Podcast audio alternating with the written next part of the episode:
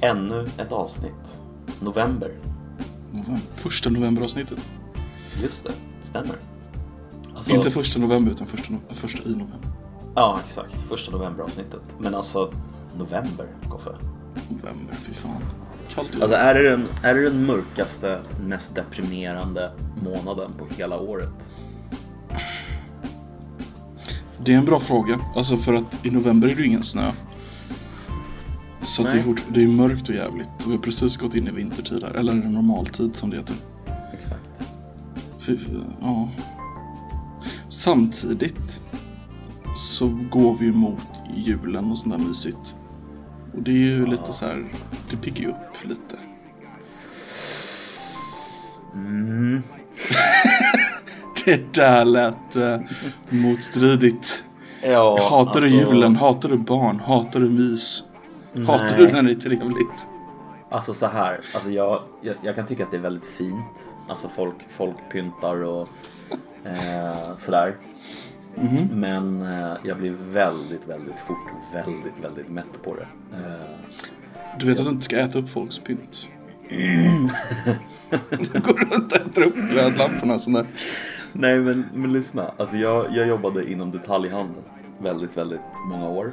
Ehm, och när jag jobbade inom detaljhandeln så hade vi en och samma skiva eh, från ungefär november, typ kanske den 20 november till slutet av eh, december. Kanske tio låtar om och om och om och om. Och det var de här jävla klassiska jullåtarna. Eh, och någonstans där tappade jag det tror jag. Får jag fråga vilken typ av detaljhandel det var? Ja absolut, det var på Elgiganten. Eh, Okej. Så det var på en eh, ja, IT, Ah. Mm. IT-data, mobiltelefoni och sånt där. Ett sånt där ställe som verkligen ser en uppgång vid jul. Ja, så extremt. Eh, Men alltså blev du sådär att när du, när du Ja, nu är det White Christmas för femte gången. Då är det bara tre White Christmas kvar till jag får sluta liksom. nej, alltså jag, jag skulle nog säga så här att Första dagarna så var det nog så. Men alltså, Mm. efter ett tag så blev det Så flöt det ju liksom bara ihop så man hörde ju inte ens musiken längre. Alltså man Nej, tänkte okej. inte ens på att musiken gick i bakgrunden. Och det värsta med det, det var ju att när man väl hörde de här låtarna sen utanför eh, Utanför, och det gjorde man ju ofta liksom. För det här var ju de låtarna som du vet så här White Christmas och typ Mariah Careys version av eh, All I want for Christmas. Ja, du vet. Yes, you. All, exakt. Och hörde man de här låtarna någon annanstans än på jobbet så trodde man ju nästan att man fick ju den här känslan av att man var på jobbet. Man bara, vad fan, vad är det, vad, är, det som händer? What? Det var, var det så att du, du började erbjuda folk i din närhet försäkringar och sånt där? Ja, men du vet aldrig när stormen kommer. Alltså, ja, nej, det var, det var, efter det så, du fan alltså, det är någonting med julpynt, eller julmusiken som bara, alltså, rubs me the wrong way. Blir, Hade, hade ni musik i vanliga fall? Ehm, ja, det hade vi. Så det bara... Men, men då var det ju liksom oftast ehm, ganska diversifierad musik. Det var olika saker liksom. Mm. Men äh, jävlar vad man trycker hårt inom detaljhandeln alltså på, på jul och eh, på liksom eh, Alltså du vet, jag kommer inte ihåg exakta siffror eh, men jag kan säga att om man tittar på ett helt år så låg typ en orimligt stor del av, av omsättningen och eh, intjänade pengar låg ju i december. Jo, men vi har väl ingen annan högtid som är så pass materialistisk i dagsläget. Nej, jag tror inte det va? Det går ju nästan ut på att köpa grejer till varandra nu för tiden. Ja. Tack vare ateister som Köper dig. grejer alltså. ja, jävla kapitalister alltså. Ser till så att vi har ett välstånd och ett, en skattebas som vi kan som vi kan använda för att skapa det här välståndet. De är hemska alltså, för fan. Jag kan säga att stånd det i alla fall. Det är sant. Det är sant, det är sant. Nej men det finns ju något, det finns ju något djupare egentligen om man, om man kollar på julen tycker jag med det här eh, gemenskapsbyggandet som man borde fokusera på istället för det rent krassa köpa grejer till varandra. Alltså köpa grejerna kommer ju ifrån att man ska bry sig om varandra och vill ge dem någonting speciellt på julen. Så julen är ju, det är ju egentligen därifrån det kommer. Sen har det blivit eh, sk- avskalat ju mer och mer ju, ju äldre vi har blivit. Eller ju längre det har fortgått i den här världen som vi lever i. Så det blir ju mindre av det gemensamma och mer av det krasst kommersiella. Ja men absolut, alltså jag, Mm. jag har inga, inga invändningar på det. Eh, jag firar ju oftast bara med mina föräldrar. Eh, Mm. Och det är faktiskt ganska nice. Vi, vi typ käkar julskinka på macka och vissa jular så har vi typ helt struntat i julmaten för att vi har tröttnat liksom. Mm. Käkat typ oxfilé med potatisgratäng istället liksom. Det är gott det också. Det är förbannat gott. Så att... Eh, eh, Oxfilé är jävligt gott alltså. Usch. Ja, fan vad gott det är faktiskt. Så tornedå.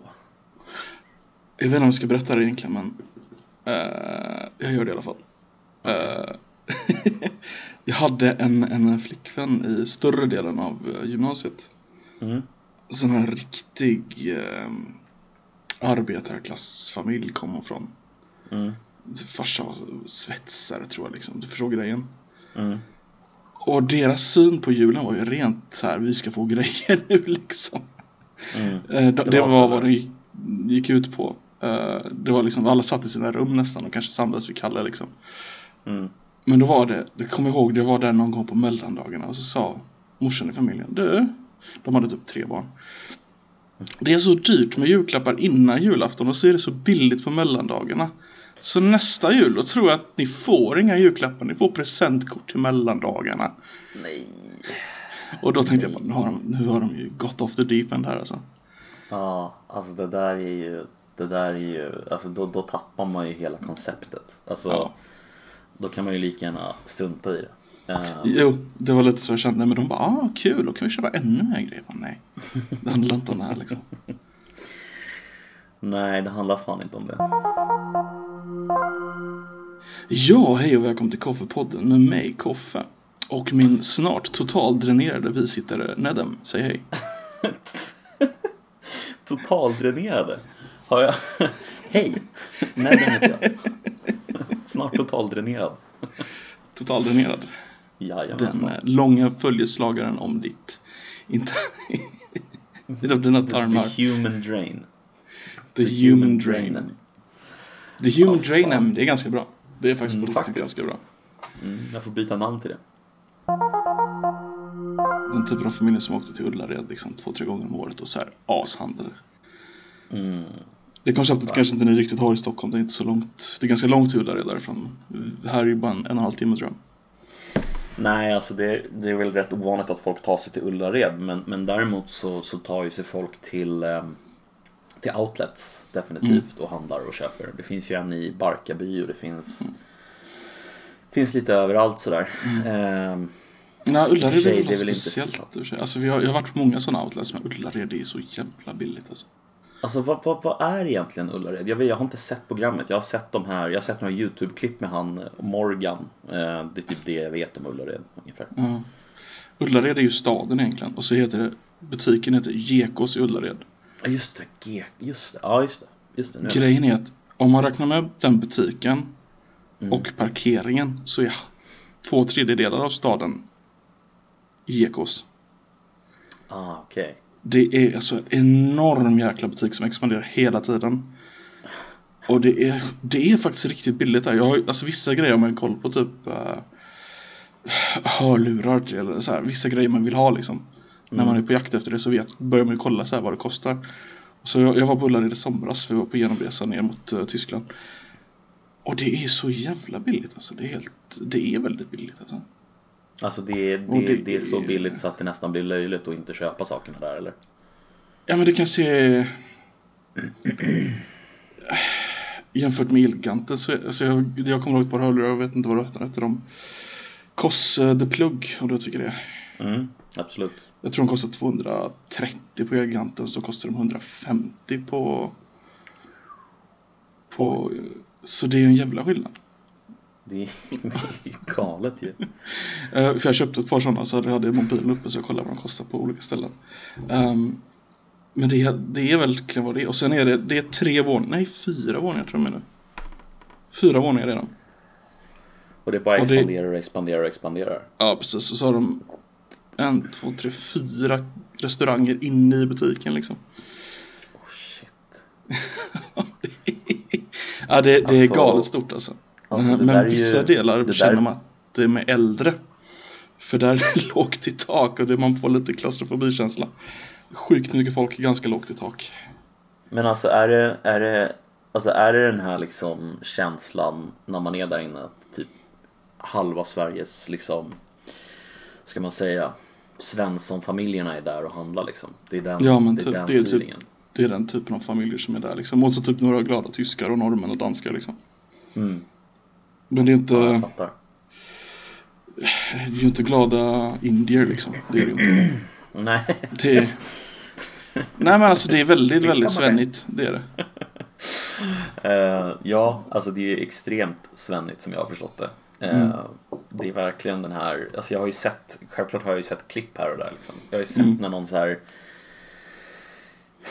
någon, eh, någon överförfriskad vinalkoholist liksom ska dit med sin väninna ungefär. Och, och det är Mm. verkligen, alltså det är ju alla fördomar bekräftas ju. Ja, ja. Eh, De har ju gjort och- typ, vad är det? Utan att överdriva, det var 10-15 säsonger den där jävla serien också. Oh jävlar. Mm. Shit. Jag hade ju, jag hade ju ett sånt här guilty pleasure eh, i eh, eh, och jag fortsätter att bara eh, anglifiera saker och säga saker på engelska för att jag vet att det retar folk. Jag måste, Men vad skulle guilty pleasure heta på svenska? Eh, bra fråga faktiskt. Eh, Skyldig njutning. Skyldig njutning. Det låter ju jätteabsurt. Nej men jag hade en riktig... eh, Skamfull njutelse. Jag hade en riktigt skamfylld njutning eh, och det var, Mm. det var att titta på tv-serien Böda camping. Har du sett Det är en, ja. Alltså, jag Det tittade är väl lite på samma alla. typ.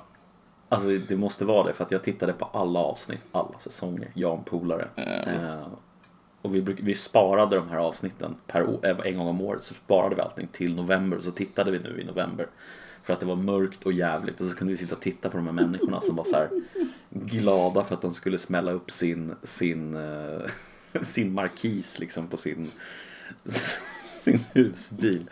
Och jag vet inte, det var någonting, alltså det var någonting Någonting kul. Alltså jag kan, jag kan inte sätta fingret heller på exakt vad det var. Alltså vad det var. Jag tror det var deras lycka. Över, över det här med Böda camping. Och det absurda också i de här människorna som, som var så långliggare på Böda camping. Ja, Jag, jag tyckte det var så jävla fascinerande. Alltså så här, det jag försökte få ihop i huvudet var så här, men varför inte bara köpa en, en stuga liksom? På Öland. Mm. Varför, varför? Det, det är väl en viss gemenskap man får där om man är där varje år. Ja, det måste ju vara det som är grejen. Alltså gemenskapen som de har byggt upp där under åren. För att alltså, de, de hade ju alltså en paradgata som de kallade för Fifth Avenue.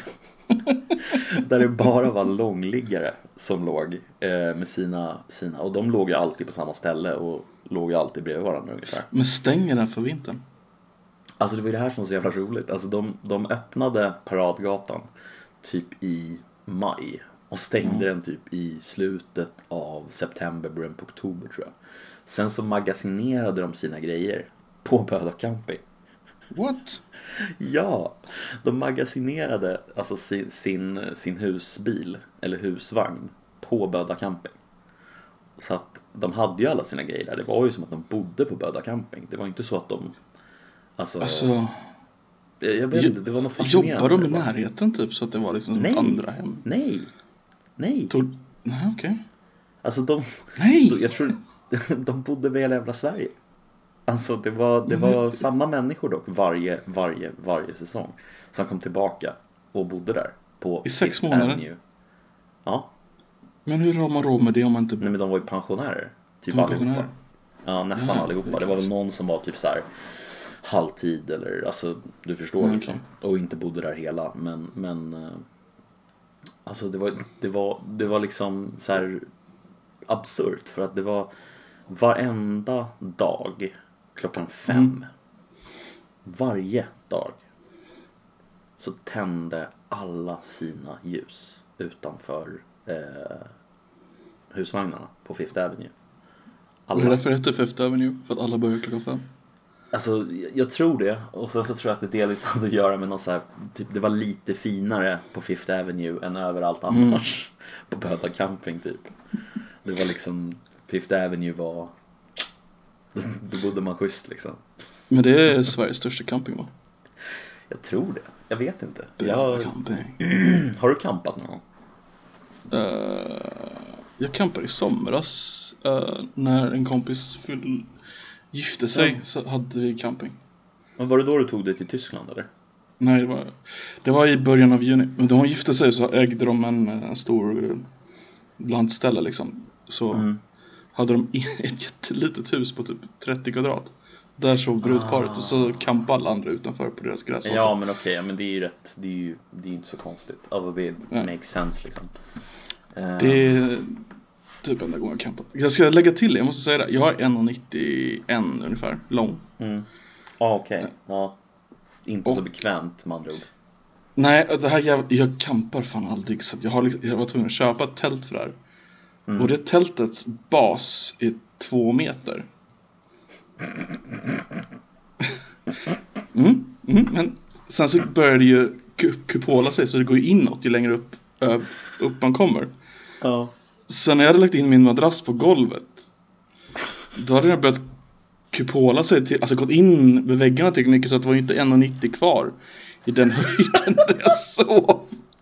Så att mitt huvud liksom tryckte mot eh, plastväggen så att det blev som en bula där, där mitt huvud låg. Nej, Jo, fan.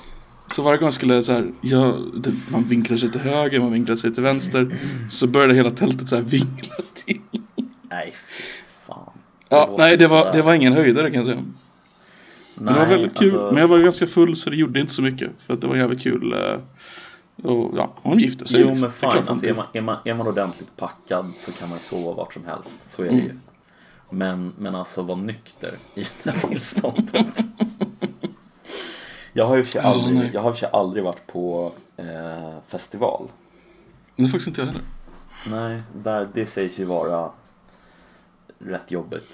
Det tältet jag köpte hette festivaltältet på Biltema. Oh yeah, vilken high quality grejer alltså. Absolut billigaste tältet jag hittade. Du typ slängde tältet efter du var klar med det typ. Ja, det höll så att jag har kvar det. Det ligger, står i källaren. Ah, nice. Inte uppställt, men det står där. Så nu kan jag åka på festival. Fan vad fett. Vi kanske kan dela tält och åka på festival tillsammans. Är det tältet. Vi kan sova i kors. Ja, fan vad mysigt. Vad mysigt. Nej men Jag fan. tänker mig att den enda festivalen du skulle åka på i dagsläget är Sweden Rock. Nej, jag skulle nog inte åka på den heller alltså. Nej men om du är tvungen att ta en, om du var tvungen att ta en festival i Sverige så skulle Ja. den. Det är så jag tänker. Alltså det, det skulle det nog vara, men då skulle jag Mm. nog bo på hotell. Alltså det finns inte en chans att jag skulle bo i, i tält. Alltså, Nej. alltså för mig är det så här, skulle jag åka på en sån där grej, då skulle jag bo på hotell. Och skulle jag, Mm. skulle jag inte kunna bo på hotell, då skulle jag inte åka liksom. eh, det, det låter kanske knäppt, men alltså jag, jag, jag är för gammal för att bo i, bo, bo i en jävla på en jävla camping med andra människor som är typ så här 19 år. Eller det kanske de inte är i och för sig på Sweden Rock, fan vet jag. Men Det finns nog en del. det finns nog en del där också, precis. Jag tänker när du har blivit lärare. Mhm. Och så har du varit det i typ två, tre år. Och så åker du på någon sån jävla festival och så känner du igen dina elever där. Fan. Och så kommer de fram till dig. Åh, tjena Nedde! Ska vi ta en öl eller? Nej, fy fan. Och så, så kampar du också där så du är liksom lite fast vid. Så att, ja, det vore väl kul. Nej, det låter som, det låter som en mardröm faktiskt. Nej, jag vet inte. Det, alltså, det beror säkert på vilka eleverna är också. Alltså, Mm, det är rätt stor skillnad tror jag också på eh, eh, tre år på gymnasiet och typ så här ny, nya ettor på gymnasiet. Alltså så, Mm. De får nog inte gå på uh, sånt sig. säg inte det. Alltså, du vet ju inte hur det är med vissa föräldrar som bara låter sina barn göra vad fan de vill. Jo, i och för sig. Det är tyvärr. Vad fan var det jag tänkte på? Jo, eh, för att gå tillbaka till GKs och Ullared. Eh, vad tror du är liksom drivkraften dit? Är det bara priset eller är, är, är programmet och tv-showen en stor Alltså, del jag, av? jag tror att tv-programmet har gjort att fler är uppmärksamma om det. Mm. För att jag var där i år och sen typ 5-6 år innan det och då har jag växt som fan sen dess liksom. Alltså mellan de två datumen. Mm. Ehm, men jag tror att det börjar med priset och sen så har det blivit ja, lite både och. Och här är ett ställe du kan åka och få ganska billigt. Mm. Eh, Så det, samtidigt har det blivit en, en, det är ju nästan en kulturikon i Sverige. De, de har ett hotell, de har en camping, de har en stugby. Det finns ju folk som åker och semestrar dit liksom. Jag hörde till och med att Umeå går ett flyg ner till, det ligger utanför Varberg. Okej. Det går alltså ett flyg från Umeå till Varberg. För de som vill handla på, eh, ja, på Ullared. Ja. Jag tror det går en gång i veckan liksom. Shit alltså. Ja men visst, alltså jag, jag, jag, alltså jag förstår. Alltså missförstå mig rätt. Alltså, Jag menar inte att det är något fel med att göra det. Men, men, men att spendera sin semester på Ullared. Mm. Alltså Ullared och det här i Böda Camping, jag tror det är samma produktionsbolag för det är lite samma stil.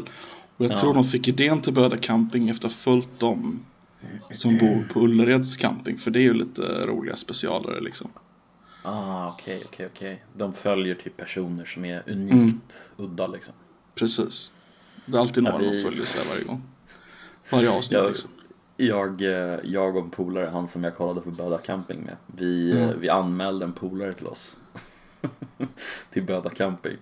Okej. Även fast han, inte, han skulle inte till Böda Camping ens. Men han, Mm. skulle, han skulle till någon så camping, eh, alltså någonstans i Sverige. Så vi Mm. ringde till, eller drog ett mail snarare, till de som var produktionsbolaget bakom Böda Camping. Och så sa vi så här. Vi har en polare som ska cykla till Böda Camping med sina sex katter. Ring honom. Så han blev, uppringd, han blev uppringd av produktionsbolaget som bara så här.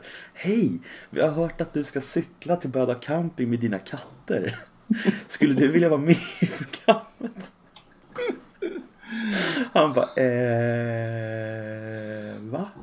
Nej, det ska jag inte göra. Det var jättekul.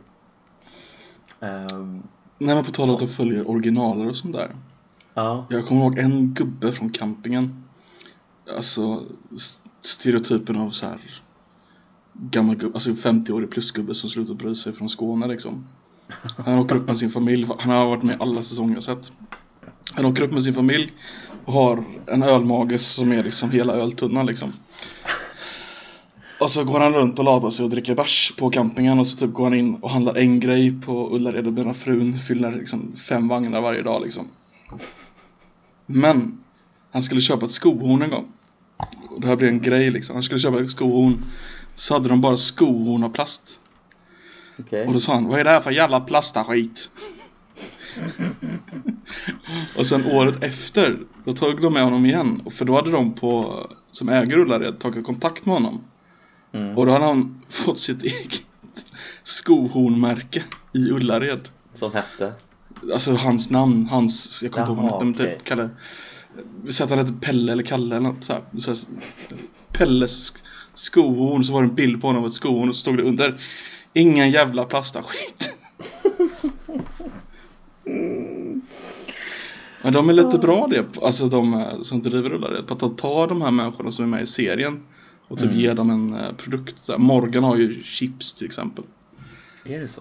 Ja, ja, du kan åka till Ullared idag och köpa typ fyra olika sorters Morgan-chips. Alltså jag undrar om han har fått bra betalt för att de använder hans namn eller om han bara fortsätter att jobba där som om det var ingenting liksom. Eh, han får nog ganska bra betalt, jag har för mig att jag läste det. Ja det borde han få. Alltså, Han är för övrigt miljonär på, eftersom han eh, ärvde aktier i typ SC-banken och sådär. Jaha, Som han sålde liksom. okej. Ja, Så han är såhär ja, det- oberoende rik, så han behöver fan inte ens jobba där. Ja, det är fascinerande. Alltså, jag har ju inte sett programmet tyvärr, men jag vet ju vilka de är. Ola, Mm. Conny och eh, Morgan. Ja, de är bästa Jag borde, vänner. alltså jag borde kolla på det programmet. Jag, alltså, det värsta är att jag vet att jag skulle njuta av det programmet. Alltså så här, guilty pleasure. Mm. Ja men alltså det där är Alltså, intressant. Du skulle njuta av det som en guilty pleasure. Ja, hur många av dem som tittar på det? För det får ändå jävligt många tittare. Ja. Hur många är det som bara känner igen sig själva? Och vad roligt, det är folk som åker till det gör ju vi också, eller hur Bertil? Och hur många är det som är liksom åh, åh vilka konstiga människor. Alltså hur, Alltså, vad är jag uppdelningen där liksom? Jag tror att den stora publiken är som mig. Tror du inte det? Jag tror det också. Alltså jag tror jag att, tror det. eller jag Alltså- vet inte om man ska välja för att jag tänker väl så här storstadsfolken och sådana men alltså hälften av befolkningen bor ju inte i storstäder. Nej, Nej, det är fan mer än hälften av befolkningen. Så det Jo, det kan är- vara lite åt båda hållen där faktiskt. Men, men alltså jag menar, när jag, när jag, alltså, jag ska inte sticka under stolen med att när jag tittar på ett sånt här program så känner jag ju, jag känner ju någon slags, alltså, hur ska man sätta ord på det utan att det blir för drygt? Ehm, Du är stockholmare, du kan inte göra det. Nej, jag kan inte göra det. Alltså, det- man känner ju någon slags här, vad fan är det här? Alltså, det är, den känslan uttryckt i ord är ju, alltså bara, vad fan är det här för någonting? Vad håller de på med? Ja. Men så, alltså de väljer ju de konstigaste människorna också. Jo, de gör ju det. Alltså Så absolut. det är nog, alltså, det är nog majoriteten. Det är ju så otroligt tillskruvat för att det ska vara på det sättet. Mm. Eh, och det är man ju medveten om. Men, men, det, men det är ju ändå den här känslan av att liksom, det är ju inte påhittade människor. Alltså, Nej, nej. det är ju faktiskt människor som existerar på riktigt. Eh, även Och de är ju liksom- tillräckligt många för att fylla programmet. Ja, precis. Alltså, De har ju på- hållit på i tio år liksom med det där. Folk vet ju vad de... Hur de jag menar- framställs liksom. Du är ju Mm. storstadsbo också. Så att jag menar, du, du måste ju egentligen, ditt perspektiv tror jag är ganska likt mitt perspektiv. Även om det är lätt Mm. att utmåla så här stockholmare som de dryga jävla fittorna liksom. Men i verkligheten så bor du i Sveriges näst största stad liksom. Det är inte så jävla, alltså, jag tror du sitter med ungefär samma perspektiv på det här Koffe. Nej. Jo, du, du vill bara få det till att det inte är så för att så här, göteborgare de är så här goa gubbar. Men det är grejen är, Lite- ni är lite precis bättre, lika lite smådryga som vi är ju. Nej, precis. Det finns en, eh, på tal om sånt där, jag vet inte om det stämmer. Men det, finns, det finns ett rykte i Göteborg om att eh, rulltrapporna i Stockholm är lite snabbare för alla är lite mer bråttom i Stockholm. Jag tvivlar alltså.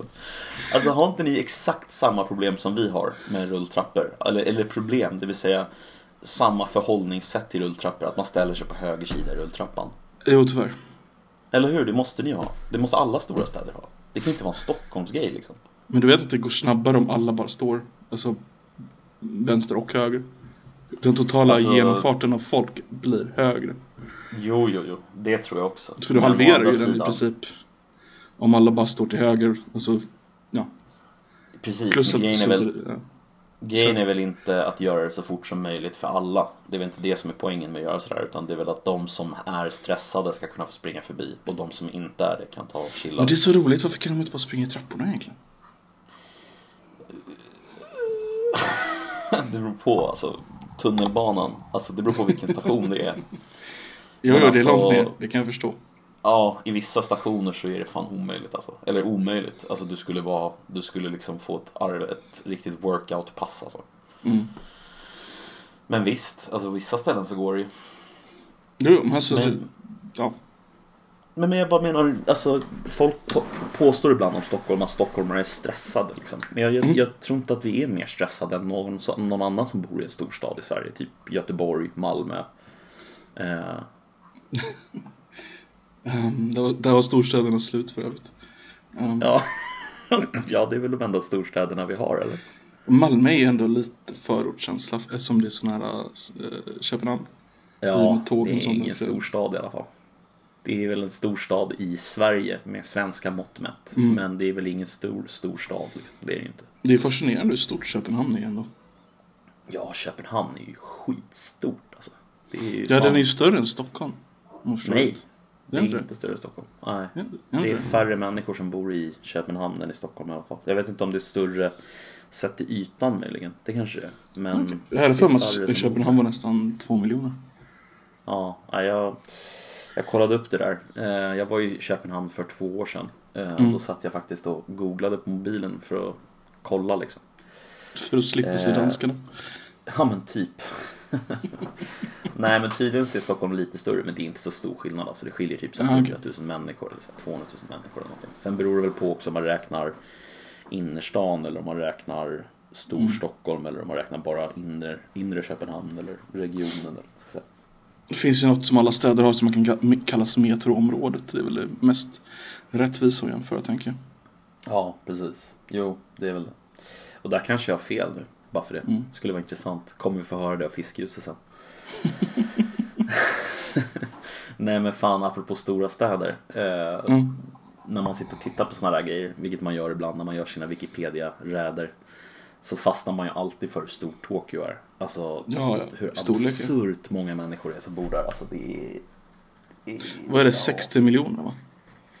I stora, Stor-Tokyo, vi kan kolla. Tokyo. Tokyo eh, population. Eh, population of Tokyo. Ska se. Alltså det verkar som att, om man, det beror på hur man räknar såklart, men alltså i själva staden Tokyo, regionen, alltså inte regionen utan liksom ehm, ja, själva liksom centrum bor det faktiskt 13,9 miljoner människor. Eh, men om man räknar eh, hela skiten så är det 35,7 miljoner invånare. Herregud. Det är så jävla galet. Men jag vet inte, jag har hört, att, jag har hört dock att det är några kinesiska städer längs med kusten där som håller på att typ växa ihop till en enda jävla megastad. Har Ja, det var vid um, Xinjiang eller vad fan heter det? Den stora textstaden va? Sen, ja just det, Sen-? Shenzhen? Shenzhen, det är inte Shenzhen? Xinjiang. Ja, ja, ja. På tal om att göra sådana här lite stereotypa kinesiska röster. Vet du vad den rikaste mannen i Hongkong heter på riktigt? Nej. Ka-Ching. Vet du vad den fattigaste heter? Nej, nej, alltså det är inte ett skämt. Han heter det Nej, på nej, riktigt. men vet du vad den fattigaste heter på riktigt? Nej. Tom Peng Pung.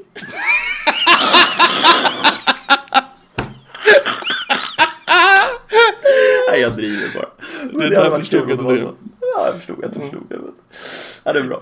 Ka-Ching. Nej, men han heter Kaching är ju Det fan är ett magiskt namn alltså. Kaching. Kaching. Är det Hongkong eller? Ja, Ja. Li Kaching. visst är det kul? Ja, det är jättekul. 91 år gammal. Han var, han var, han var kaching med hela världen innan det var hippt. Mm, Precis. På tal om stora städer, något som jag ofta tänker på, inte ofta tänker men, men tvärtom Som slår dig liksom. Det är ju jävla stort Moskva ju.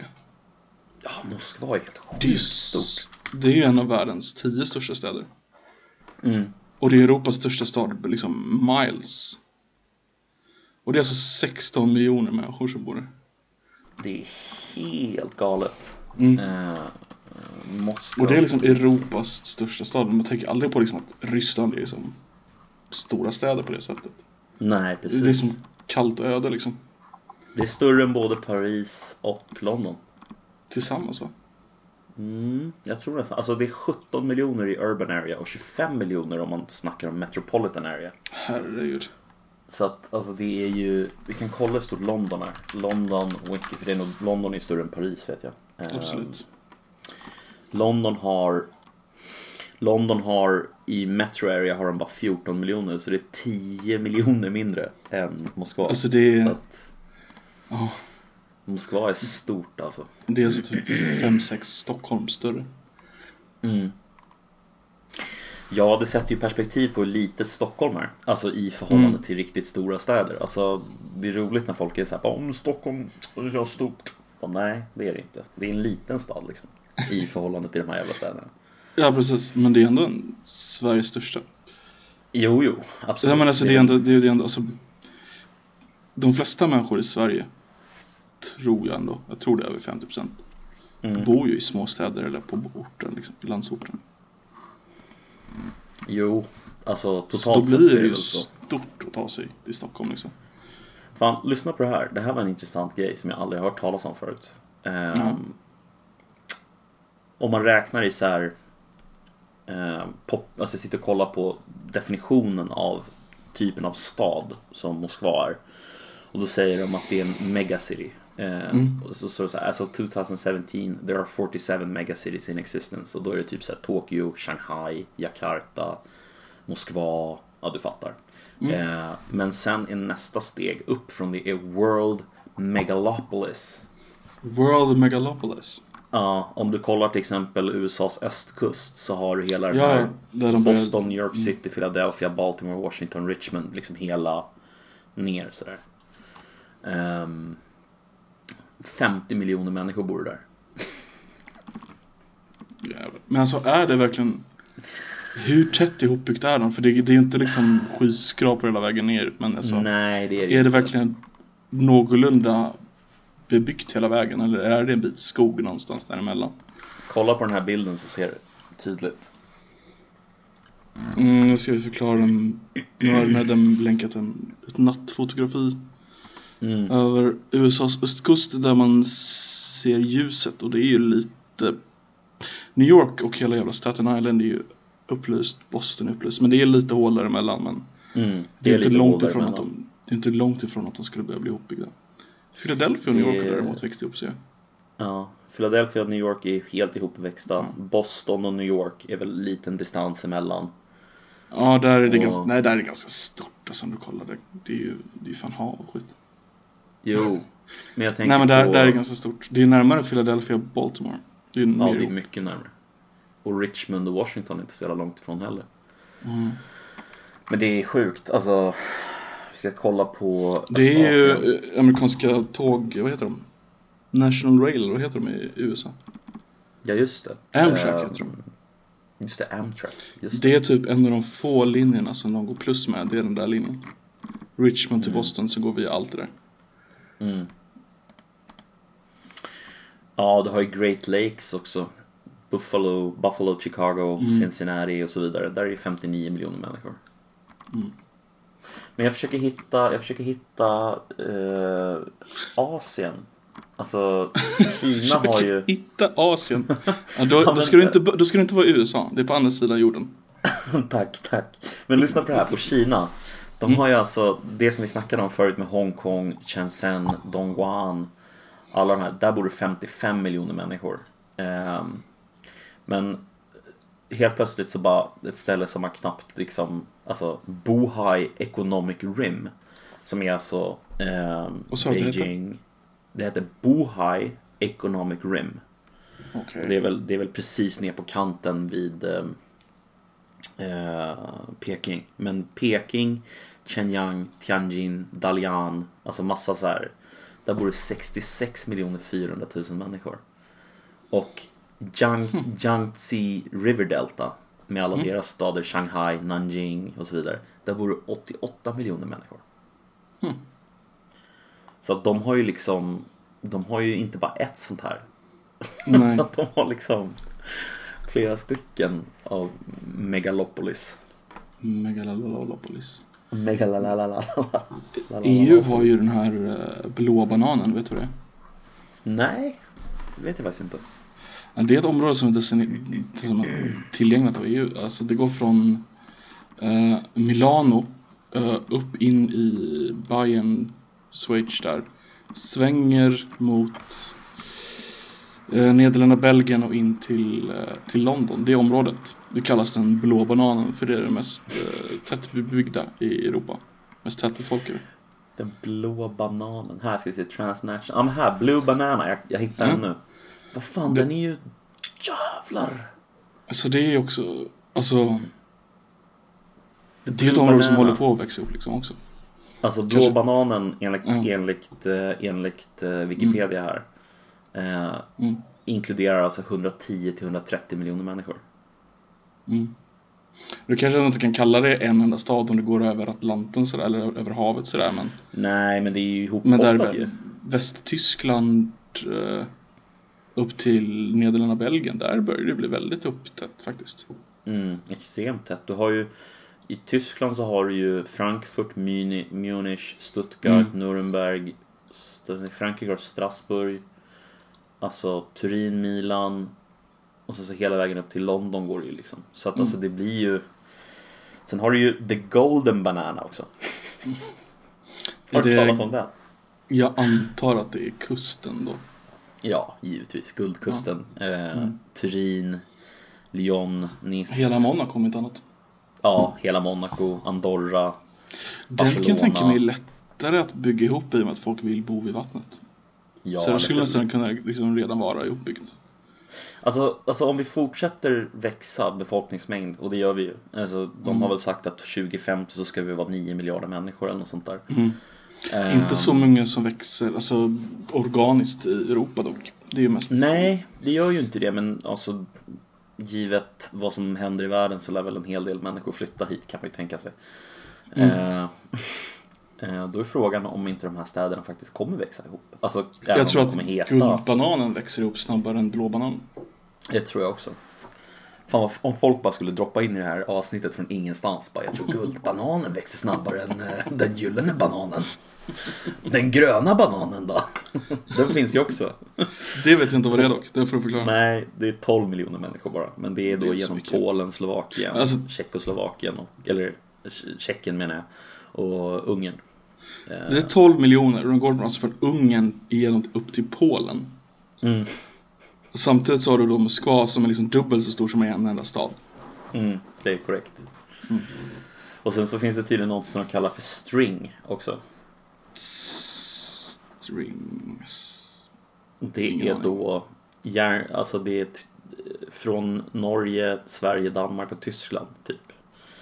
Ja, är det den där tågbanan som de för, Ja, det måste väl vara det. Alltså det är Hamburg, Kiel, Lübeck, Flensburg, Köpenhamn, Roskilde. Ja, du fattar. Malmö, Landskrona, Helsingborg, Halmstad, Varberg, Borås, Göteborg. Göteborg. Eh, Uddevalla sen antar jag. Exakt, Uddevalla och sen så Och sen- Askim, Moss, Fredrikstad, Oslo, Sandvika. Det var ju ett förslag där. Att bygga en, en snabb järnväg från Oslo till Köpenhamn och sen ner in i Tyskland på den vägen. Ah, okej, okej. Men Norge ville betala hälften. Eftersom de har oljepengar. Mm. Och så skulle Sverige betala en en fjärdedel och så skulle Danmark betala en fjärdedel. Mm. Vet du vilka, gissa vilket land som sa nej? Sverige. Såklart. Norge skulle alltså bara ha den till Oslo. Alltså det skulle inte vara alls mycket. Det är, så, det är ju Sverige som skulle tjäna skitmycket på det liksom. Mm. Eller ja, vi skulle ha längsta delen av nej. tråden. Ja, bara, nej, det är inte... Ja, det var lite onödigt kanske. Men... Det påminner mig om den här gången, kommer du ihåg det på 70-talet? För du levde ju då. Eh, det gjorde jag fan. Jävla asshole alltså. jag trodde Men inte du skulle ja. avbryta mig där, helvete. Nej, ja, sorry. Kör. När eh, Per G Gyllenhammar ville byta 10% av Volvo mot 50% av oljes, olja och Norge sa ja men Sveriges regering sa nej. Åh herregud, du skojar med mig. nej. Nej, det är overkligt. Det är välkänt. Det där har jag helt missat. Men, men på det temat, alltså du har ju, du har ju säkert läst om deras, eh, eh, deras pensionsfond, eller hur? Ja, den är typ en av världens största.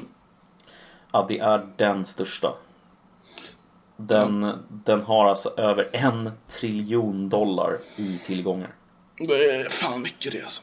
Det är alltså, inkluderar då alltså 1,4% av alla aktier. Alltså när jag säger Av alla, alla aktier. aktier? Alltså alla. Alltså Alla, världens. Alla, alla. Så, så, Norge äger 1,4%. 1,4% av alla aktier i världen. Ja, det är korrekt. Är det av aktiekapital eller av totala antalet aktier? Nej, alltså av det totala antalet aktier. Okej.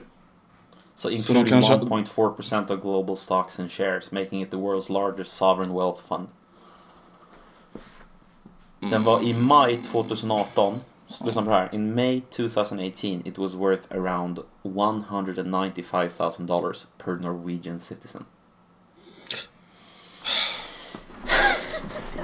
Ta det där en gång till. Jag tror inte jag riktigt insåg vad du sa. Alltså i maj 2018 så var, så var vad heter det, eh, fonden värd 195 000 dollar per norsk medborgare. Ja. Mm. Det är en del. Det är en del pengar. Så tänk dig om vi hade haft hälften av den där. Mm. Tänk vad mycket vi kunde ge till Sida då. Mm, precis. För det är vad vi skulle göra med pengarna. Ja, jag vet. Alltså det är vad svenska regeringen... Ja, jag har skrotat 1% målet. Jag har lagt upp ett 10% mål. Det är också något som fan irriterar mig. 1% målet. 1% Ja. ska vi ge bort. Inte av statskassan. 1% av BNP som är mycket högre. Det ska vi ge Ja. bort. Samtidigt så föder folk fram barn i bilar, i taxibilar. Mm. Och, och väntar. Men då ska de ge bort pengar. Ja, det är lite, det är lite, Varför? det är någonting som är lite osoft med det. Jag håller med, alltså jag förstår. Alltså, folk som lyssnar kommer tro att vi sitter och bara så här. Åh, men fan vad dålig, uh." Det är inte det, utan det som det handlar om är ju den här liksom. Om man har egna hål och stoppa saker i. Och Precis. sen så bara, nej men vi, vi är så rika så vi kan ge bort en procent för att de andra har det sämre. Man bara, alltså visst de andra har det sämre men alltså, alltså va? det är fortfarande så att vi ger bort en procent av BNP. Liksom. Mm, precis. Det är mycket pengar. Det är skitmycket Ja. pengar. Sida är väl, eh, En av världens största. jag tror det va? Sida, Det är en av anledningarna att vi fick vara med på, eh, vad heter det där, FN, eh, vad heter det innersta rådet där? Där de har, mm. vad heter det? Security Council. ja, Vi fick ju vara med där ett år. Mm. Och det är på grund, en delvis på grund av att Sida ger bort så mycket pengar så vi fick vara med. Så kan vi få slå oss för bröstet lite och prata om hur mycket inflytande vi har på världspolitiken. Du vet att vi egentligen ger bort mer. För uh, Utrikesdepartementet har en svart budget med stöd också. Så att, eh, Ja, alltså man kan ju nämna för sakens skull att eh, under Palme så så stod Sverige för ungefär 50% av eh, stödet till ANC. Svart ANC. alltså. svart. Eh, ja, precis. Literally. Nej, men eh, på riktigt faktiskt. Eh, Sverige, Sverige, Sverige var en utav de stora egentligen eh, biståndsgivarna som såg till att ANC kunde överleva. Eh, Om inte Sverige, om vi bara ponerar, om inte Sverige hade gjort det. mm. Hade någon bättre organisation uppstått än ANC då? Eller är ANC det bästa som skulle kunna hänt i Afrika? I, Alltså det är ju nästan omöjligt att spekulera i. Men, men jag har ju nyligen läst Jag läste nyligen jag, en bok jag, som jag, heter kanske vill, jag vill bara på- påpeka till fråga det som vi vet att ANC hade ju en paramilitär gren där de fångade meningsmotståndare och, och tände eld på dem helt enkelt. Så det det var inte bara en, en fredsrörelse utan de var ju väldigt Ja, aggressiva. ja, herregud. Herregud. Ja, ja. Det, det, var, jag, det är den delen jag vill bort från så att säga, inte själva Nej, frigörelsen. nej, jag vet. Jag vet. Alltså, du, Nej, men jag vill du, bara specificera det för För de som lyssnar, ja. Mm. Det kallades ju till och med för necking necklacing. Necklacing, exakt. Necklacing. Så var det. Eh, jag läste nyligen Total Onslaught. Eh, en bok som handlar om eh, hur, den, hur den sydafrikanska apartheidstaten eh, jobbade bakom kulisserna och hur de typ så här försökte styra eh, opinionen eh, inom och utanför landet kring eh, apartheid och så vidare och så vidare. Och givet hur de Alltså så här, givet hur de fungerade och givet vilka som styrde eh, inte ANC utan eh, ja, regeringspartiet vid det tillfället. Eh, Båta och eh, ja, de här gubbarna. Så har jag svårt att se att eh, ett helt fredligt eh, ANC utan den där militära grenen skulle ha kunnat gjort någonting faktiskt. Det, det, jag tror att Nej, det är som, mycket möjligt. Alltså jag tror ändå att det är typ lite som IRA i Storbritannien liksom. Det, Mm. det är lätt att ignorera så länge som de inte blir våldsamma typ. Ehm, kanske är cyniskt av mig, jag vet inte. Ja, du? men det är mycket möjligt. Alltså, ja. Vad tror du om det där? Alltså så här, måste man använda våld för att skapa förändring eh, när alla liksom, politiska eh, vägar är stängda? Eller, eller kan man bara fortsätta kämpa politiskt och hoppas på att de politiska vägarna öppnar sig? Eller vad, Alltså det, det är väl... Jag tänker spontant på Gandhi är väl enda som har åberopat icke-våld och fått en rejäl politisk förändring. Samtidigt så var det ju däråt vindarna blåste under den tiden ganska kraftigt. Exakt. Så att han hade ju turen med sig. Ehm, eller tur att Man har ju svårt att se, eller hur, att det skulle ha gått hem om inte Storbritannien typ hade slagits i första världskriget eller andra världskriget och Mm. liksom Precis. Det är ju faktiskt ett, eh, ett citat från Hitler de sista dagarna där. Jag vet inte hur det Mm. här kriget kommer sluta. Men det enda jag vet det är att det brittiska imperiet är slut. Mm. Ja, har Och det, det hade han ju berättat liksom. Mm, definitivt. Ehm, Det, det, tog, det tog jävligt slut där. ja, de belånade ju sig upp över öronen där för att, av, bland annat av USA. Mm. Så att, ehm, men jag har svårt att se att, att någon annan grupp skulle kunna fungera på det sättet. Nej, alltså jag, jag vet inte. Jag, ibland så har jag tänkt så här. När man har lyssnat på till exempel ehm, ehm, diskussioner om typ, säg Kongo. eh, och liksom Lumumba som blev mördad. Och alla de här liksom frigörelserörelserna som, eh, som har drivit, eh, drivit en, en eh, frigörelseagenda. Liksom.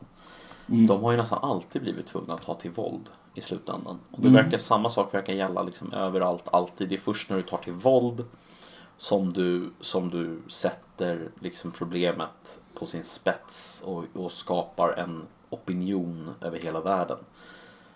Mm. Jag vet inte. Som Ja, det är sagt, då det blir nyheter liksom. Det är då. Ja, exakt. Alltså det är Det är då då det händer någonting. Men vad hände med eh, Polen, Sovjetunionen? Eh, Fackförbundet du Solidaritet på det är väl solidaritet.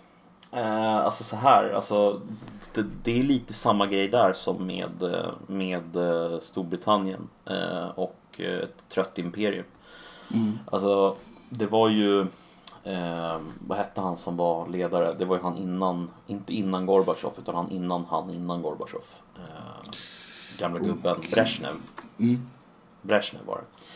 Det var Brezhnev och han, han hotade ju flera gånger den polska regeringen. Eh, som egentligen var då såklart, alltså de var, gick ju i sovjetiska ledband så att säga. Men, men han hotade flera gånger med invasion. Men det var ganska uppenbart att Mm. det fanns inte riktigt varken viljan eller de ekonomiska musklerna riktigt att göra det. Mycket på grund av vad man hade gjort nyligen i Afghanistan. Just det. Eh, så att man var liksom redan uppbunden i Afghanistan vid den här tiden. Och det här var i början av 80-talet. Så att, ja, Precis. Ja. det, det var liksom aldrig Det var liksom aldrig någon större risk för att det skulle bli Bli eh, våldsamt. Men det tog dem ändå tio år. Det tog dem lång tid alltså. Men Var det, det 56 som eh, de gick in i Ungern? 58 Un- va? när de gick in i Ungern, 56. Prag va? Ja. Prag Nej, De gick väl in i Prag två gånger. Prag Jag tror det var 58, jag ska kolla. ja. Eller var det Jag tror det 56? var Ungern. Eh, det är jag som tänker fel va? 56. Du har helt rätt. Ungernrevolten. Eh, 1956. Fan vad Och bra. sen... Men det var väl den senaste innan eh, Polen tänker jag. Nej. Du Hade hade man ju nära? Prag också. Prag-våren. Eh, 1968. Ja just det, så var det. Då gick de ju också in. Eh, så att de hade ju liksom en historia av att gå in och slå Mm. Och ner. då var det ju- eh, Ja precis. Och då var det ju bara 12 år innan. Exakt. Så att det fanns ju liksom Det fanns ju exempel på att de hade gått in och slagit ner uppror. Eh, men sen Kanske så var hade de ju... var, Nej, kanske var säg, därför de var icke-våld. Ja, kanske det. Men sen så hade du ju också ett annat problem för sovjeterna och det var ju eh, påven. Just det, påven. Påven var ju polack eh, och propagerade ju Varför var hårt för solidaritet. Nej, En så- gång till? Han var polacken. Varför var han sur? Nej men det är sant, de, det var ju första gången de bjöd in en påven. Mm. till Polen. Och eh, hela, hela det torget i centrala Warsaw utbrast ju, vi vill ha Gud, sa de. För det var ju förbjudet innan. Just det, just det. Så många säger att det var det som startade hela grejen. För det var väl året innan Solidaritet skapades här för mig. Det kan säkert stämma. Alltså, jag tror i alla fall att alltså, hela liksom Sovjetunionens fall började ju tidigt men, men alltså det som ledde fram till slutspurten där måste ju någonstans börja med Pragvåren. Eller vad säger jag? Pragvåren är väl kanske kanske inte en del av liksom det absoluta slutet men det börjar ju någonstans där och sen så pågår det liksom fram och Afghanistan och sen Mm. så solidaritet och så börjar det sprida sig och ja, mer och mer kaos liksom. Man skulle ju till och med kunna argumentera för att det började när Stalin dog. Och sen är det bara Ja. hans efterlevnad liksom. Absolut. Stalin var den sista som hade kollen på allting liksom. Så när han dog så var det. Ja, alltså det blev ju mindre och mindre totalitärt i alla fall. Eh, Ja, dels det, men det var liksom Då blev det mer infighting och alla ville Alla försökte klättra liksom Innan Mm. var det ju Stalin som såg till att de man ville klättrade klättrade Mm. Så att säga Ja, men, Men det är ju en del av det totalitära Ja, shit alltså. Men det, det är kul egentligen att, alltså, eller kul. Det, det är hemskt egentligen, alltså när man, när man tänker på det. Att folk pratar så mycket om Sovjet och så mycket om liksom Ryssland.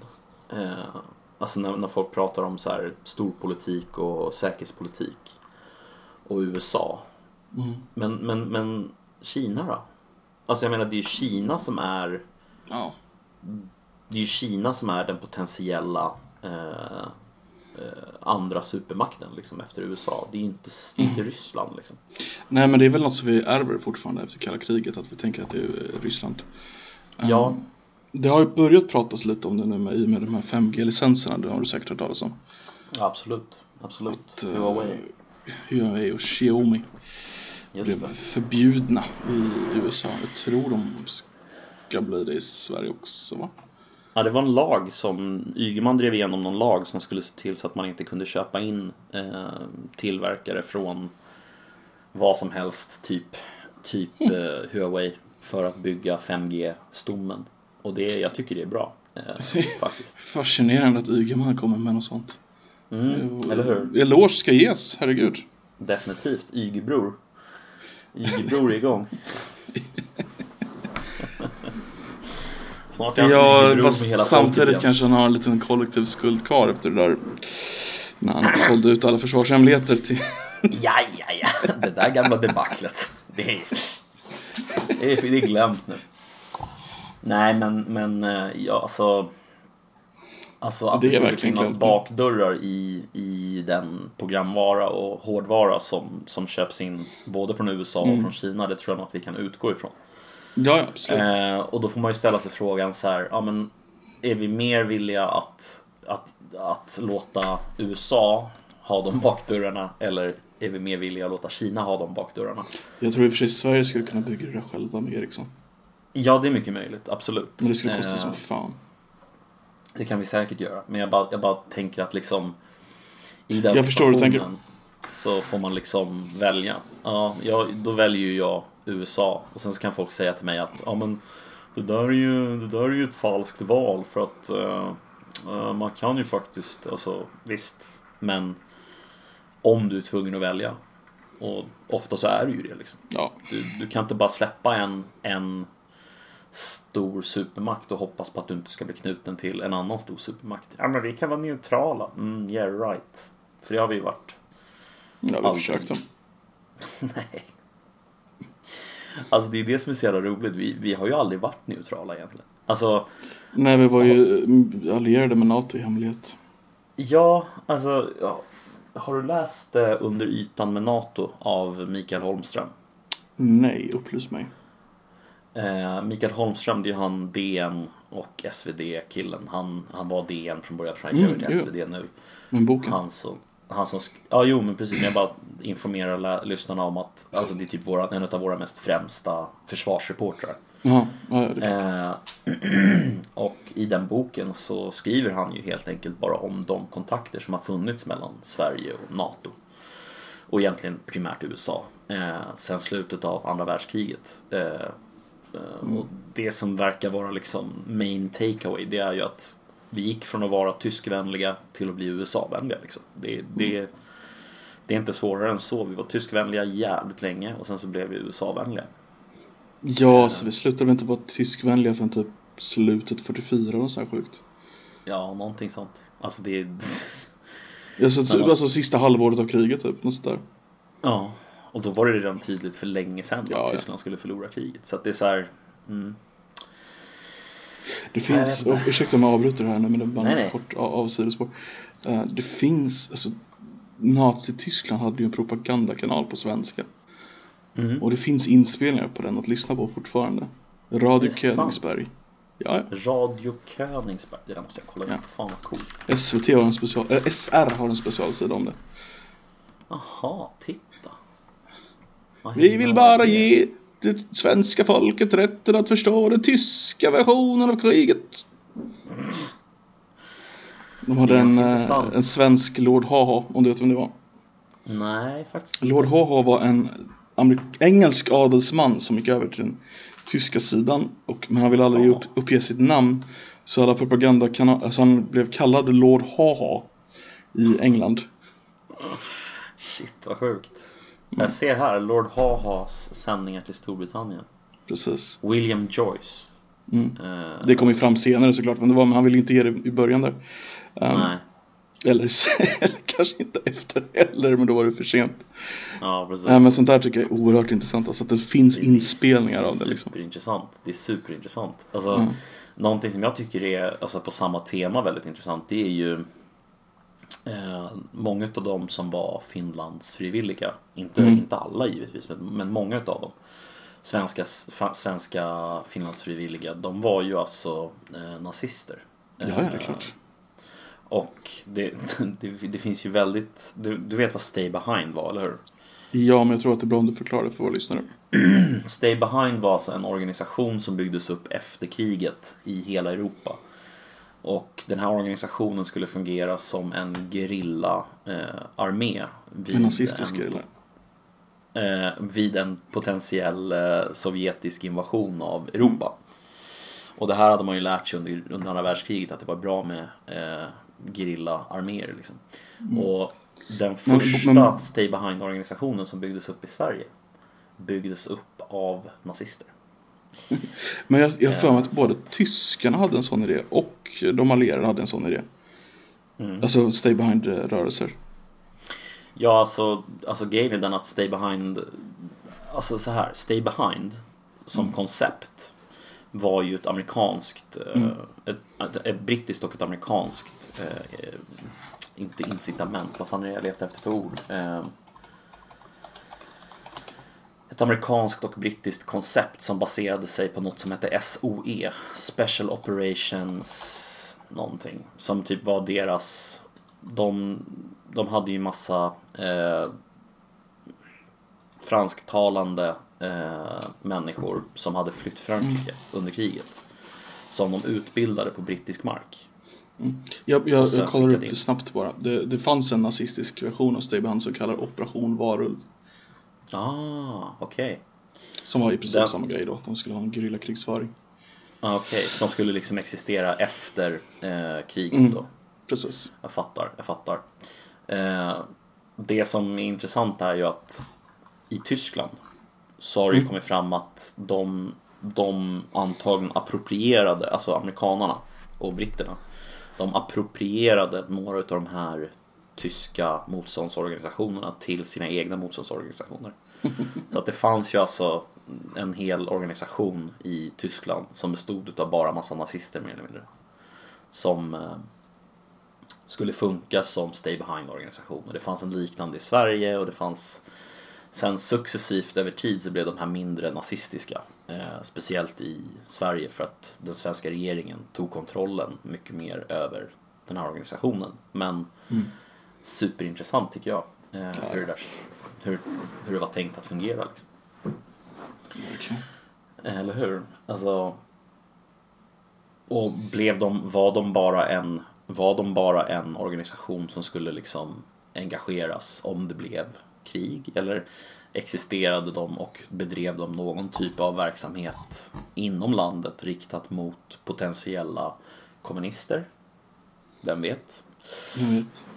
Vem Om jag förstod det rätt så fungerade den ganska aut- autonomt. Att det var liksom Det var inte ett överhuvud utan det var flera små Mm. individuella grupper då. Kanske så små som en människa. Som hade sina Du kommer vara här och då kommer du ha de här uppgifterna. Precis. Så det, det kan ju varit Alltså Ja, alltså, det är svårt att styra över en sån grupp, är det inte det? Precis, Alltså- ja, men det, alltså, det kan ju varit ett, även ett mord som ägde rum efter kriget kunde ju ha varit en del av Stay Behind-rörelsen, det vet vi ju inte. Alltså, Nej, det är jättesvårt att veta. allt som gick då, dåligt kan ju vara en- Stay Ja, Behind-rörelse. Det, alltså, det, man, det, det är ju en jobbig tanke att tänka sig om man skulle försöka vara en säkerhetsvakt vid den tiden. En säkerhetspolis. Ja, alltså, alltså den här mannen som startade den här tyska, alltså, eller alltså, tyska, vad säger jag, den här första Stay Behind-organisationen. Eh, Mm. han, han blev ju han blev ju lagförd i Sverige. Eh, jag kommer inte ihåg vad fan han hette. Kula? Nej, inte Kula, det var han som dog i... Hallberg Kula Eh, tänker du på. Ja, det det var han- Hallberg. Det var Hallberg. Eh, Var det han? Ja, nazist Hallberg. Vi ska se. Eh, hemlig nazistarmé mitt i folkhemmet. Här ska vi se. Mm. Eh, Kommer du ihåg... till T-kontoret. Mm, okej. Yes, vad sa du? Eh, Ha- Hallberg Kulas grav finns ju kvar i Sverige. Mhm. Och det är, det är en, eh, en av de få svenska nazistiska vallfärdningsplatserna som fortfarande inte är Mhm. hemlig. Det är ganska läskigt. De samlas av oss sådär fortfarande varje år. Det Jajamensan, rätt. det stämmer. Tillsammans med hon... eh, Åh, vad heter Ja. kärringjäveln? Det finns alltså en 90-plusårig eh, tysk tant som flydde till Sverige. Vera, Just det, Vera, Vera. Vera Oredsson. Vera, Oredsson, just det. Taget namn om något. Men det är alltså en, en, en tysk eh, som, eh, kvinna som växte upp i Tyskland under kriget. Och sen flydde till Sverige och fortsatte vara nazist och hon är en av den svenska nazismens grand old ladies då. Alltså om vi nu, alltså, om vi nu någonsin ska göra det här avsnittet med, eh, med våran kära vän Kepan om konspirationsteorier Mm. och sånt där. Så vill Vilket jag vi bara, ska. Och, vilket och vi för ska. övrigt är det här första gången du nämner det.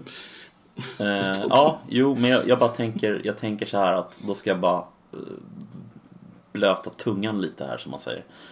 Eh, och säga så här att det fanns en, eh, fanns en man som hette Åke J. Ek. Eh, Ek. som eh, jobbade på, han var nazist. Och han jobbade Vänta, på vänta. Får, polis. får jag gissa en grej? Handlar det här om Palmemordet? Gissa. Givetvis.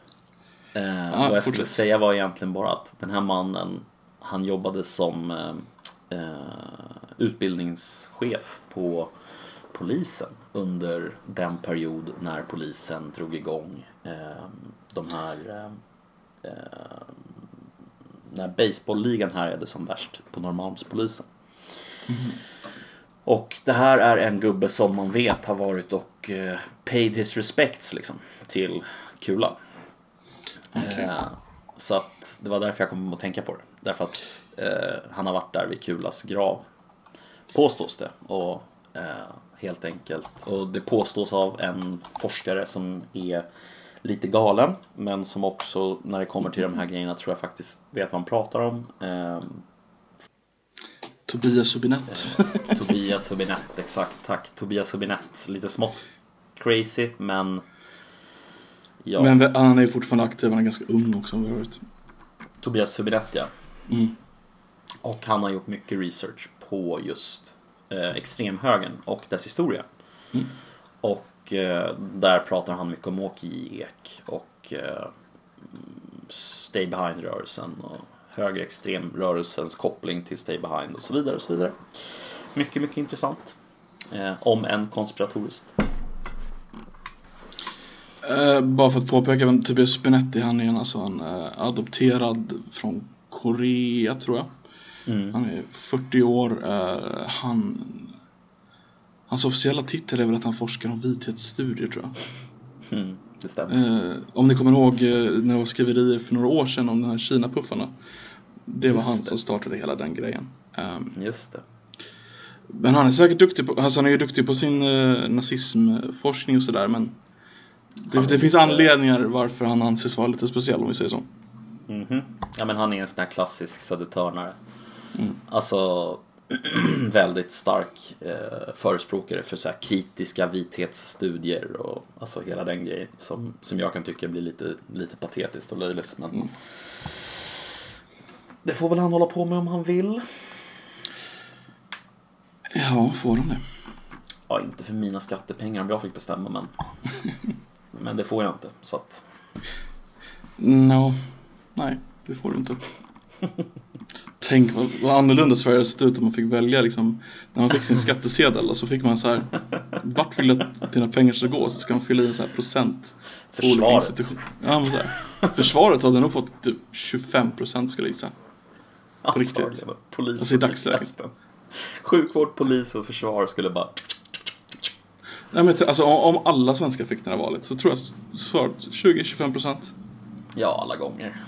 Det tror jag. Verket för knypplingsstudier har inte fått någonting Eh, som sig bör. Eh, Jag kan däremot tänka mig att eh, Vad heter det här nya som ligger i Göteborg? Jämställdhets... eh, ja, just det. Eh, myndigheten för för eh, radikal feminism. Det, det är vad de håller på med men det är inte vad de heter Ja, Ehm, just det. Okej, okej. okej. Men de hade nog fått ganska mycket kan jag tänka mig alltså, För det finns ju en del sådana som Ja, ja, absolut. Alltså de kanske nästan hade fått mer pengar Nej, För jag, jag kan tänka mig att det är några så här bara, "Ja, men allt, allt till dem Typ Gudrun 100%. Schyman och hennes kader liksom jag. Säkert. Jag skulle inte bli förvånad i alla fall. Så här, Det- 50, pro- 50% till eh, feminism och 50% till eh, tvångsabort. Det är typ vad Gudrun Schyman har lagt sina pengar, skattepengar på. Tvångsabort. Alla måste abortera sina barn innan. Det är, det är Gudrun Schymans agenda. Och, och radikal feminism. Ja, alltså jag, han skulle säkert ehm, kunna komma fram till det på något sätt. Ja, säkert. Alltså, hon brände ju 100 000 kronor för att det var kul. Så att, nej, hon gjorde det för att få lite publicitet och det fick hon. Sen fick hon också ganska mycket badwill. Eh, Mm. vilket Så det är ju en kanske- intressant ut, utväg. Jag vet Avväg. inte riktigt hur de tänkte att det där skulle, alltså, jag, alltså så här, jag har tänkt på det där många gånger. De fick nog mycket, mycket mer mediautrymme för de 100 000 kronorna än de hade fått om de hade, om de hade gjort någonting annat än att elda upp dem. Men jag undrar om Mm. Absolut. de inte fick mer negativ media.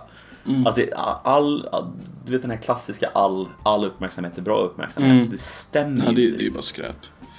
Alltså grejen är, alltså officiellt, om jag minns rätt, Mm. så försökte de ju komma undan citattecken med det genom att säga att det var eh, så här mycket pengar bränner Sveriges kvinnor på att vara kvinnor på en minut eller sånt här. I jämförelse med att kvinnor, män tjänar mer så hade de räknat ut det så det blir 100 000 på något sätt. Eh, så att det skulle visa på skillnaden liksom, så att du bränner om för att du är kvinna. Men det var ju ingen som kom ihåg det. Det var ingen Nej, som... plus att det var ingen som, det ingen som köper det argumentet Nej. heller. Alltså, Det är nog ganska många som köper argumentet men jag tror inte det är så många som köpte deras utspel. Nej men alltså jag tror att många, många kan nog känna så här att liksom Jaha, så att då bränner ni upp tus, 100 000 kronor Istället Mm. för att ge de här 100 000 kronorna till någon som behöver dem Eller skänka bort dem Okej, hur tänkte ni där?